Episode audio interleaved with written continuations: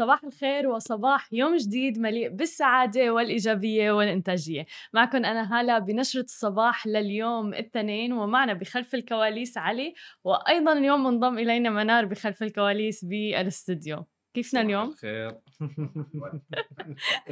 كيف الهمة هيك للأسبوع الجديد والسنة الجديدة؟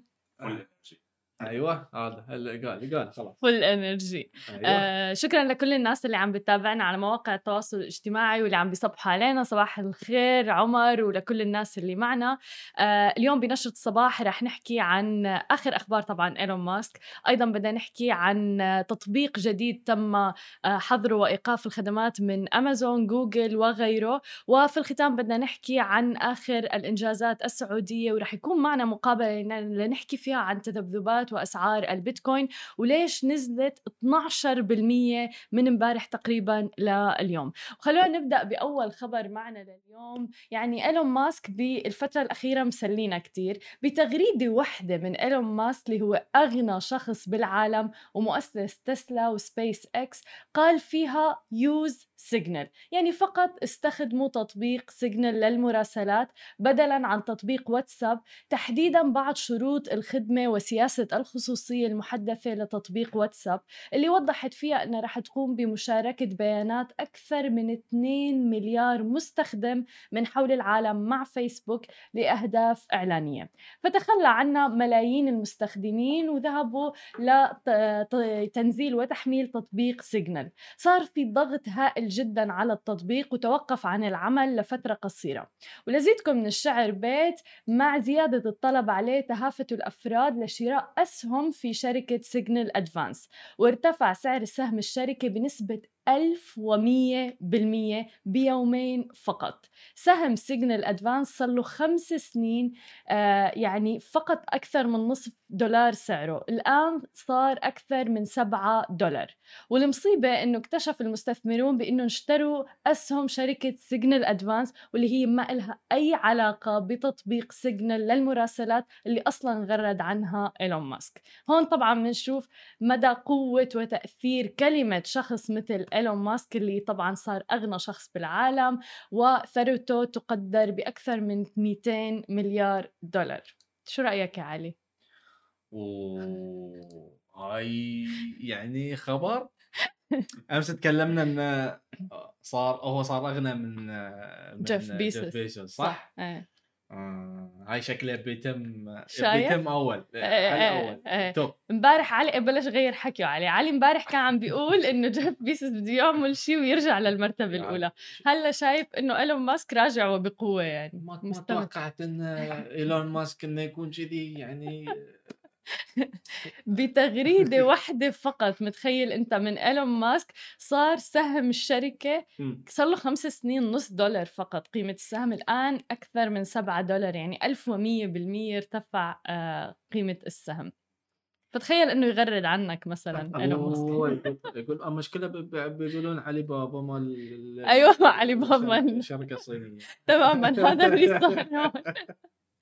خلونا ننتقل لتاني خبر معنا لليوم. عم نشوف يعني حرب تكنولوجية بالفترة الأخيرة وتحديدا مع كل الأحداث اللي عم بتصير بأمريكا وخبر اقتحام الكونغرس وغيره. الآن انضمت شركة أمازون إلى شبكات التواصل الاجتماعي اللي حظرت تطبيق بارلر المؤيد للرئيس الأمريكي المنتهي ولايته دونالد ترامب وأعلنت أن حظر التطبيق من خدمتها على شبكتها في خطوة عم بتهدد بتعتيم الموقع إلى أجل غير مسمى بسبب تمجيد مستخدميه لأعمال الشغب الأخيرة في مبنى الكونغرس. وقالت شركات التكنولوجيا العملاقة أنه تطبيق بارلر انتهك شروط الخدمة الخاصة بها ولم يقم بمراقبة وتعديل محتوى ما ينشر على صفحاته.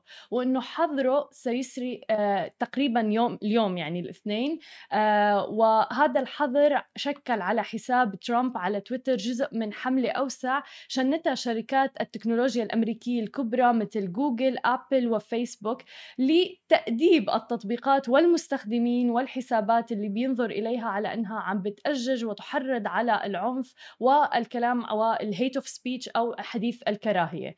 وقام تويتر أيضا بحظر وإزالة حسابات عدد كبير من المستخدمين المؤيدين لما يعرف ب QAnon اللي عم تتحدث عن نظرية المؤامرة. اللي عم نشوفه بالفترة الأخيرة وطبعا مثل ما شفنا أنه العديد من التطبيقات حظرت حساب مثلا دونالد ترامب اللي هي تويتر إنستغرام فيسبوك وغيرها أيضا من التطبيقات.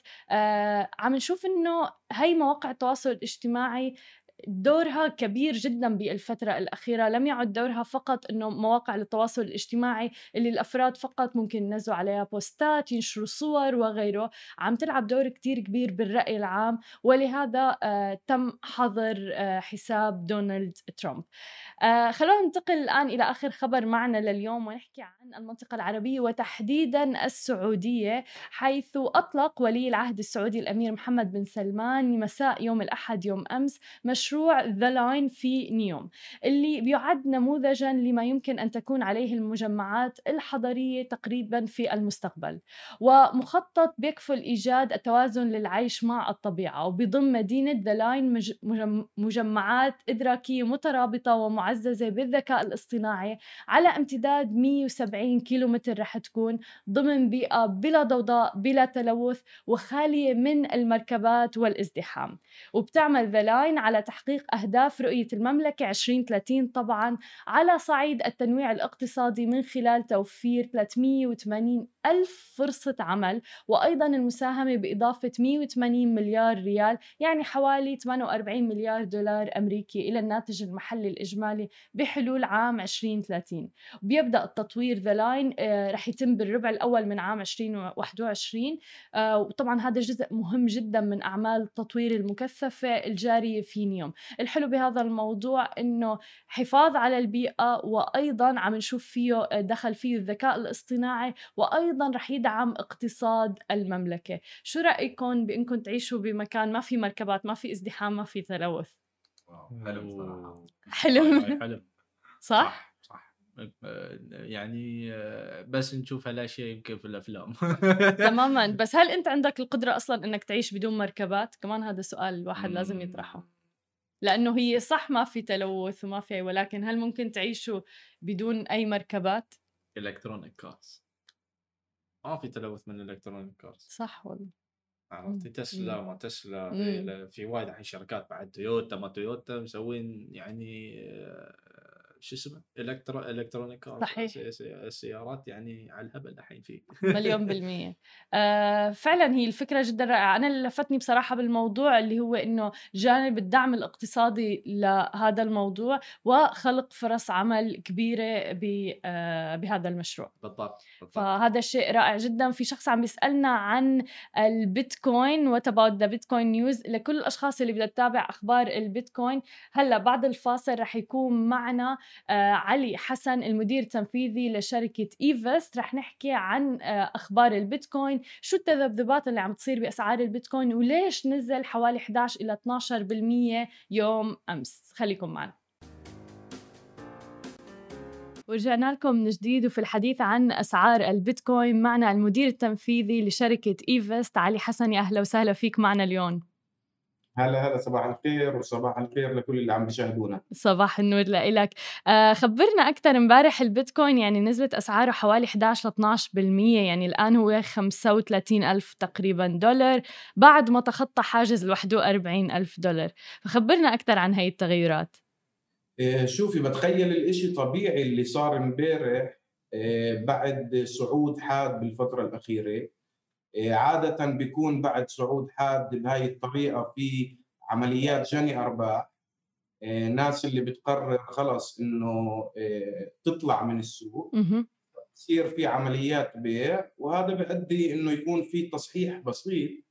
بس حسب رأيي لسه إحنا في الموجه الصاعدة في البيتكوين والعملات الرقمية بشكل عام. بتوقع إيه المشوار لسه بأوله يعني؟ ما شفنا شيء من الصعود. طيب لسه وفي فرق كثير كبير هلا بين اللي كان بال 2017 واللي عم بيصير اليوم. بال 2017 الصعود الحاد كان من خلال أفراد. اللي دخلوا على سوق العملات الرقمية وقرروا آه، إنه يقوموا في عمليات شراء. والدافع الرئيسي كان إنه العملات الرقمية خارج دائرة الاقتصاد التقليدي اللي إحنا عارفينه آه، فقرروا يكونوا هم السباقين. آه، بينما الموجة اللي حاليا عم نشوفها اللي عم بقودوها هاي المرة مؤسسات كثير كبيرة. صحيح. وهذا السبب اللي خلى العملات الرقمية آه، تصعد بالطريقة الحادة هاي. آه، في صناديق استثمار دخلت على العملات الرقمية في آه، صناديق تقاعد استثمرت للمدى الطويل في العملات الرقمية. باي بال سمحت تمام. للعملاء إنه يستعملوا الوالد تبعتها للعملات الرقمية. فيزا شركة فيزا أعلنت إنه راح تقوم بانشاء بطاقات اعتماد خصوصية للعملات الرقمية. آه، وطبعا آه، مستثمرين جدا كبار آه، تطرقوا لموضوع العملات الرقمية آخر فترة وهذا أدى للصعود الحاد اللي شايفينه. مليون وهذا فرق كثير كبير بين 2017 واليوم. مليون بالمية. فعلا حتى عم نشوف أسماء وشخصيات كبيرة. يعني مثلا إيلون ماسك دائما عم بيغرد عن البيتكوين بيدعم مثلا العملات الرقمية. آه فكله هذا عم بيعطي credibility ثقة أكثر للناس لحتى انه فعلا يتجهوا للعملات الرقمية ويستثمروا فيها. صحيح. آه طيب يعني باختصار تنصحنا نستثمر بالبيتكوين أو لا؟ شوفي أنا أنا بآمن بالعملات الرقمية من زمان. إيه، بالاخص بآمن بالتكنولوجيا البلوك تشين من زمان. أنا مستثمر بالبيتكوين تقريبا من سنة 2012 wow. إيه، لما كان سعره 75 دولار لما كانت أكبر إيه، بورصة للبيتكوين هي شركة اسمها Mt. Gox شركة صينية اللي كان في عملية hacking وقتها وسكرت ولسه في قضايا لليوم ماشية. فأنا شايف إنه لسه في مستقبل جدا كبير للعملات الرقمية بس بتخيل إنه راح يكون شوي المدى طويل غير عن كيف الناس بتفكر إنه يلا هلأ أدخل. على السوق وأطلع بعد أسبوع وعامل 30 40% ربح آه، بتخيل إنه راح يوصل لأرقام قياسية أكثر من هيك آه، راح يكون في تغيير بكل اقتصاد وطريقة الاستثمار والتعامل بالمصاري في حياتنا اليومية. آه، أنا شخصيا داخل عليه ومخلي البيتكوين للمدى الطويل. أكثر من إيش؟ هلأ عم نشوف. طب حلو بس شو اللي خلاك تثق فيه تآمن فيه وبالعملات الرقمية من هذاك الزمان اللي كتير كان في ضبابية حوله يعني؟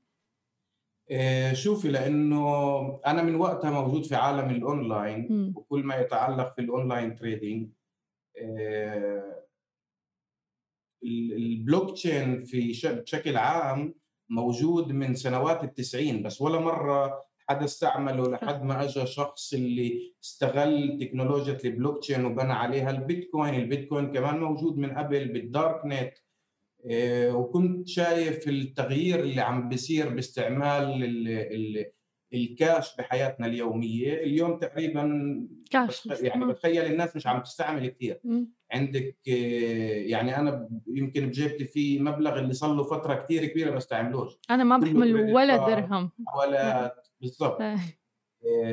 فأنا بآمن إنه راح يجي التغيير هذا. وبس راح ياخذ أكثر وقت. بتخيل كمان خمس سنين أكثر شوي راح نشوف إنه استعمالات ال cryptocurrencies راح تكون هي ماسكة حياتنا اليومية وأكثر من عشر سنين لنبدأ نستعمل تكنولوجيا البلوك تشين لأنه هون بحب أنوه إنه في فرق كثير كبير بين البلوك تشين والعملات الرقمية فيش واحد مربوط بالثاني آه، عشان دولة معينة توصل إنها تستعمل البلوك تشين آه، طريقه كاملة في جميع مؤسساتها لازم يكون في ecosystem كامل اللي عم بيستعمل البلوك تشين صحيح. فمن هون لخمس سنين أنا شايف إنه العملات الرقمية راح تكون ماسكة عمليا حياتنا اليومية وكيف بنتعامل مع الكاش 10 سنين وفوق البلوك تشين راح يكون بال ecosystem تبعنا. طيب حلو. أنا لأنه دائما فعلا عندي فضول أعرف إنه هل رح نوصل لمرحلة إنه البيتكوين أو العملات الرقمية شو ما كانت تكون رح نصير نتداولها بحياتنا اليومية نشتري ونبيع فيها أم رح تكون استثمار فقط والناس تستثمر فيه مثل مثلا الذهب خلينا نقول وغيره؟ شوف البيتكوين بالذات آه، بما إنه هو اليوم بشكل من ال volume تبع تداول العملات الرقمية أكثر من 70% في يوميا فالبي وفي عدد محدد من البيتكوين. اليوم إحنا وصلنا تقريبا 18 مليون ونص صحيح. العدد هو 21 مليون. كمان شوي راح يكون آه، شيء نادر. فبتخيل البيتكوين بالعملات الرقمية راح يمثل الملاذ الآمن للكل. بس الدول لما ندخل على استخدام العملات الرقمية في اقتصاد كل دولة ودولة بتخيل البنوك المركزية وقتها راح تتدخل وكل دولة راح يكون في لها العملة تبعتها للتعامل. واليوم عم نشوف البنوك المركزية بروسيا بالصين اوريدي عم بيحكوا عن التكنولوجيا هاي وكيف راح يدخلوا العملات الرقمية. حتى مصرف لبنان. الرقمية في الدول بتخيل كل دولة هون راح تدخل ويكون لها تأثير لحالها.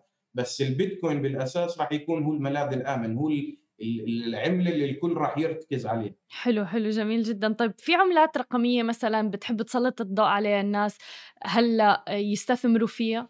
تنصحهم؟ شوفي بشكل عام العملات الرقمية هلا بتمشي ورا البيتكوين. فبنشوف كل ما البيتكوين عمليا بيعلى العملات الرقمية كلها بتعلى مع البيتكوين. ففيش إشي آه، بقدر إنه أنصح الناس تشتريه أو تستثمر عليه أهم إشي قبل أي عملة لأنه الناس شو بتسوي؟ لما بتشوف البيتكوين عالي كثير بشوفوا السعر صار عالي بخافوا يدخلوا صح.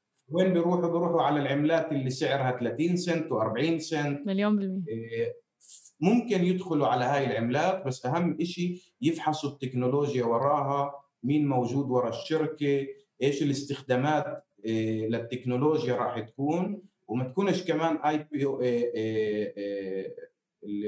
ال initial ICO آسف initial coin offering كمان واحد من الشركات اللي طلعت عملة وبعدين اختفت.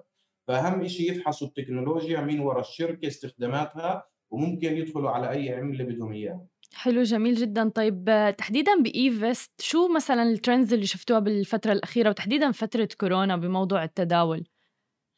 شوف إحنا نصحنا الناس من زمان على العملات الرقمية تقريبا من أول 2020 لأنه إيه، شفنا الترند إيه، واتجاهاته مع إنه باقتصاد طبيعي سنة زي سنة 2020 لما في عندك ال pandemic في عندك ال tension اللي كان ما بين الصين وأمريكا طبعا. عندك البريكزيت الناس بتترك كل شيء وبتروح على الملاذ الآمن عادة لما بيكون فيش استقرار بالاقتصاد.